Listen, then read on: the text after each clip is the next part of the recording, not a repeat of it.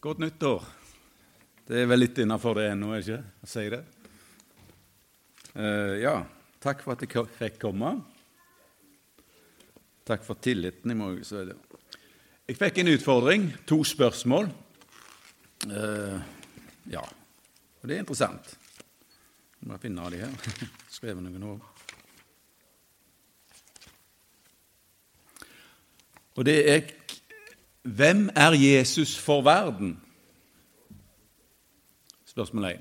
Spørsmål 2. Hvem er Jesus for meg? Og For å svare litt på det, så skal jeg gå til Bibelen. For der får vi en, eh, ganske god innføring i akkurat det. Vi skal til Matteus 16, og det er jo kjente vers fra vers 13 til 17. Der er som overskrift 'Peters store bekjennelse', Matteus 16, vers 13-17. Altså, Jesus går rundt i Israel, og det er hundrevis, og ja, tusenvis av folk som følger han. Det skjer store ting. Han helbreder, han gjør mirakler, og han, og han legger ut evangeliet. Og I den forbindelse så står det fra vers 13.: Da Jesus var kommet til traktene ved Cesarea Filippi, spurte han disiplene sine.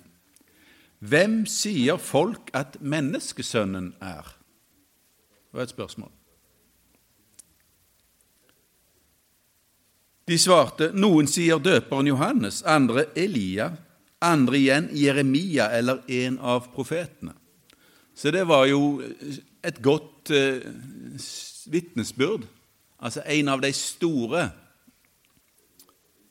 sier folket, eller verden. Og vi kan tenke oss hvis Jesus hadde gått rundt på Karmøyene i dag, eller i Ukraina for den del, og gjort de samme tingene. Store ting. Hvem hadde folket sagt at han var? Det hadde vært media og fjernsyn og et enormt oppstyr. Vi kan tenke oss. Og det hadde ikke mangla på forslag på hvem han var. En stor mann, en alien, en engel. Altså, Det hadde, det hadde ikke mangla på forslag. Det er jeg sikker på. Vi ser det før oss, sant? En mann som skal vise oss veien til vårt store indre og opplyse vårt alt, Vi kjenner til det.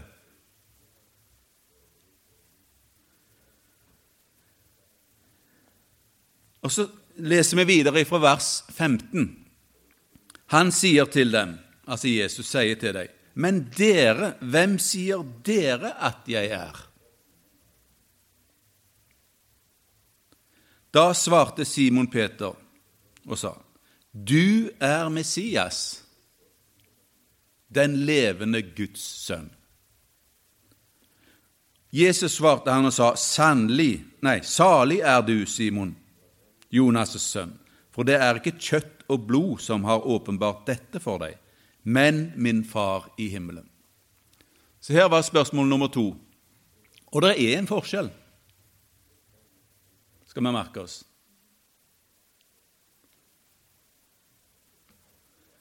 Hva er det som får Peter han, han var sikkert den eldste i disippelflokken. Og han representerte disiplene når han sa dette her. Hvem sier dere at jeg er? spør Jesus. Da er det ikke bare en store mann eller en av profetene, eller hva det enn måtte være av forslag. Han går rett på sak. Du er Messias, Guds sønn.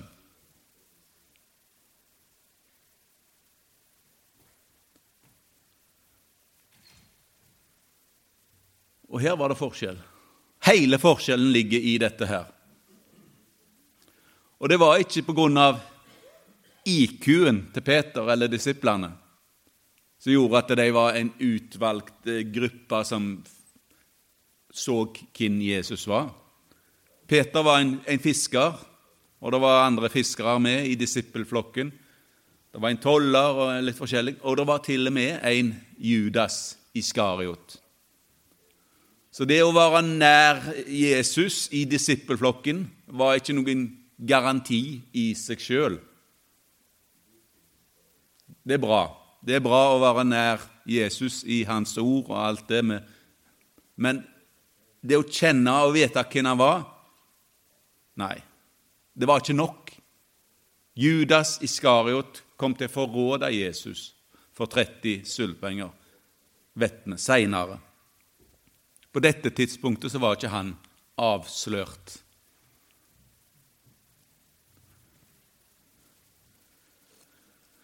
Vi sier at Den hellige ånd jobber på mennesker i denne verden. Vi kan lese i Bibelen at Den hellige ånds oppgave er å overbevise om synd, dom og rettferdighet. Alle mennesker i verden kan bli påvirket av Den hellige ånd, og Gud kaller mennesker. For oss som tror, så virker ikke Den hellige ånd på oss lenger. Han virker i oss, eller gjennom oss. Det er noe annet. Det er fortsatt Den hellige ånd, Guds hellige ånd. Den virker i oss. Så det å gå ifra å bli påvirka av Den hellige ånd til å få Den hellige ånd, bli født på ny, kaller Bibelen det en enorme forskjell. Det er hele forskjellen. Og Peter hadde forstått det, tydeligvis. Og de andre disiplene, og mange blant folket òg. Men verden, de store mengdene, hadde andre svar. Og det har de i dag òg. Historien forteller om en mann som levde i Israel for 2000 år siden. Den historiske personen Jesus er, eh, fornekter ingen, for å si det sånn. Det er historiske bøker utenom Bibelen som bekrefter at det har vært en mann som ble korsfesta, og som gikk rundt og gjorde ting, uvanlige ting. Så den, den biten av historien er, er spikra, for å si det sånn. Og mange kan strekke seg langt og si at ja, han var veldig spesiell. Vi skulle hatt en sånn i dag. Men de kom aldri til det punktet som Peter eller disiplene kom. Du er Messias, Guds sønn. Personlig så vil jeg stille meg bak det som Peter sier. For meg så er han det. Og jeg tror jeg kan snakke på vegne av de fleste, eller alle som er kristne, iallfall. Det er selve definisjonen på å være kristen. Du er Guds sønn. Det som står i Bibelen om mennesker, om Gud, om Jesus, om synd, om himmel og fortapelse, det er sant. Vi velger å gi Gud rett. Jeg pleier å bruke det uttrykket. Jeg gir Gud rett. Jeg forstår ikke alt. Nei, nei. Men jeg velger å tro at det som står her, er sant. Som en kristen, som en troende. Og det er mange ting som Peter ikke forsto på dette tidspunktet. Mange ting som ennå ikke var åpenbart engang. Det nye testamentet eksisterte ikke. De hadde Det gamle testamentet. Men her er det mange ting som ennå vil bli åpenbart for menigheten, for de kristne. Men allikevel så kunne Peter komme med denne her store bekjennelsen. Du er Messias. Du er Guds sønn. Det var ikke jeg sier det var ikke IQ-en eller noen andre spesielle evner vi kjenner til i dag det er noe som heter kunstig intelligens. AI på engelsk Artificial Intelligence. Vi kan gå på, på PC-en vår og vi kan få hjelp til å lage ting ved hjelp av kunstig intelligens, om det er musikk eller dikt eller samme hva som helst. Et utrolig hjelpemiddel, kan du si. Og det har vært mange smarte personer opp gjennom historien, òg kristne. Det, det, er ikke noe hinder, det, å ha høy IQ eller kunnskap. Isaac Newton han var jo tyngdelovens far og fysikk og alt dette. Han, han brukte mer tid i Bibelen enn han brukte på fysiske lover og matematikk og univers, sier de, sier historien. Men han er jo kjent for, for det han er kjent for. Så IQ i seg sjøl er ikke en dårlig ting. Kunnskap, det er bra. Men det er ingen vei til frelse i seg sjøl. Det må mer til enn det. Noe helt annet, faktisk. Guds påvirkning, Guds hellige ånd, og du må ta imot, som vi sier. Omvende deg. De sier at det, kunstig intelligens i dag har IQ på rundt 200. Da er du helt oppe i taket. Det som de smarteste personene i historien har hatt. Eh, uten å fornærme noen her. Jeg vet ikke om noen hadde vært helt oppi der. Men uansett, si 200 bare for å ta, ta et tall. Det neste naturlige steget for kunstig intelligens, mener de på. Og nå snakker jeg om noe som jeg ikke har greie på, men jeg kan lese det. Er en IQ på 3000. Da begynner vi å forstå et, en enorm utvikling, og det går veldig fort. Enormt. Og det reiser jo en del spørsmål og bekymringer. Hvordan skal vi kontrollere dette her?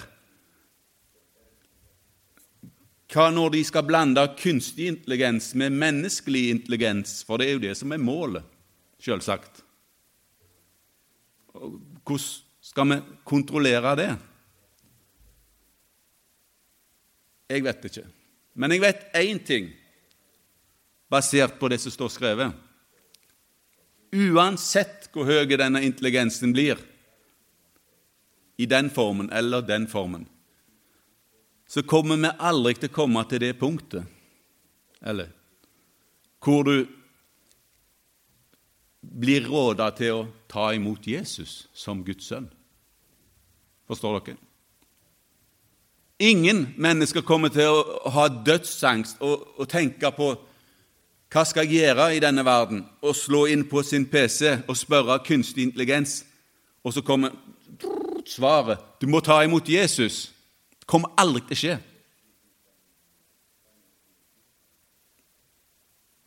Ene og alene på grunn av det har ingen ånd. Det har ingen guddommelig ånd i seg. Snarere tvert imot. Tvert imot. Jesus og Gud er død, vil vi få høre. Og det hører vi i dag.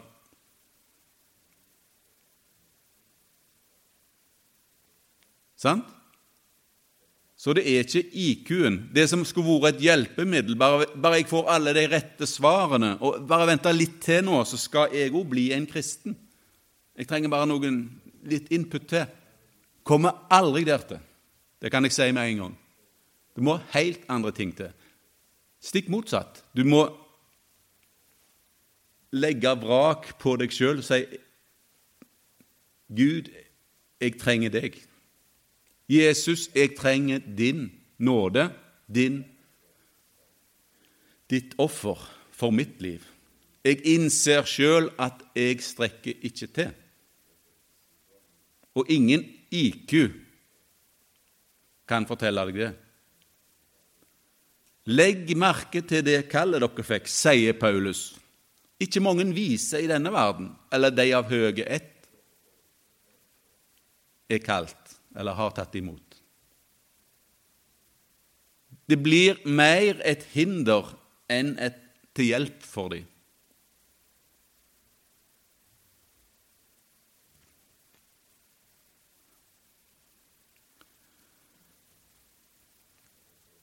Det var to spørsmål. Verden kommer aldri der til at de vil innrømme du er Messias, du er Guds sønn. De som sier det, oss, oss kristne blir færre og færre, sier Guds ord. Det blir sterkere og sterkere for oss, og jeg tror skillet blir tydeligere og tydeligere etter hvert som vi nærmer oss de siste tider. Jeg mener å se det i dag.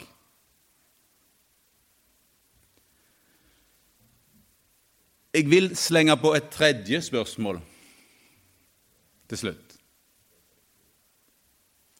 Hvem er Jesus? Hvem er Jesus for deg? kunne vi spørre. Og det kan du bruke ut som et vitne. Hvem er Jesus for deg? Er han en stor mann, en profet, en som sa ting og gjorde ting, og som tydeligvis hadde litt evner? Eller er han Guds sønn, Messias, han som Bibelen taler om?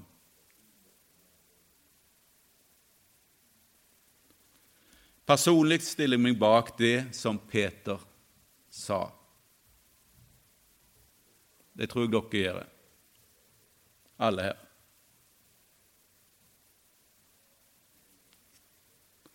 Og det er det ene svaret Bibelen gir Guds ord.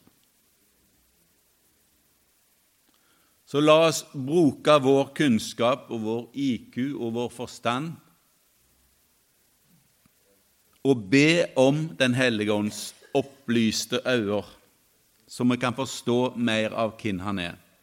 Og når han får vokse, så avtar vi, mitt ego. Det trenger jeg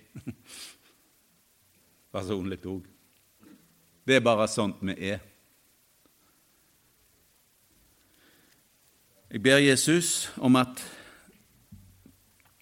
denne bygda og Josheim og bedehuset og det som skjer her, kan få være et vitne. At når folk ser det blir tent et lys her, kveld etter kveld, med alt det arbeidet som blir gjort i ditt navn, så kan folk spørre seg hva er det som skjer der? Hva er det de har som jeg mangler?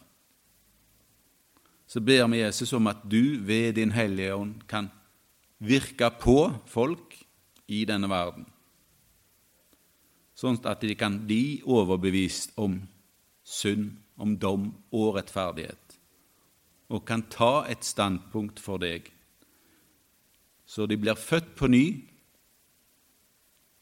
og de kan få Den hellige ånd i sitt liv. De blir født på ny, og de blir åndelig levende igjen. I Jesu navn. Amen.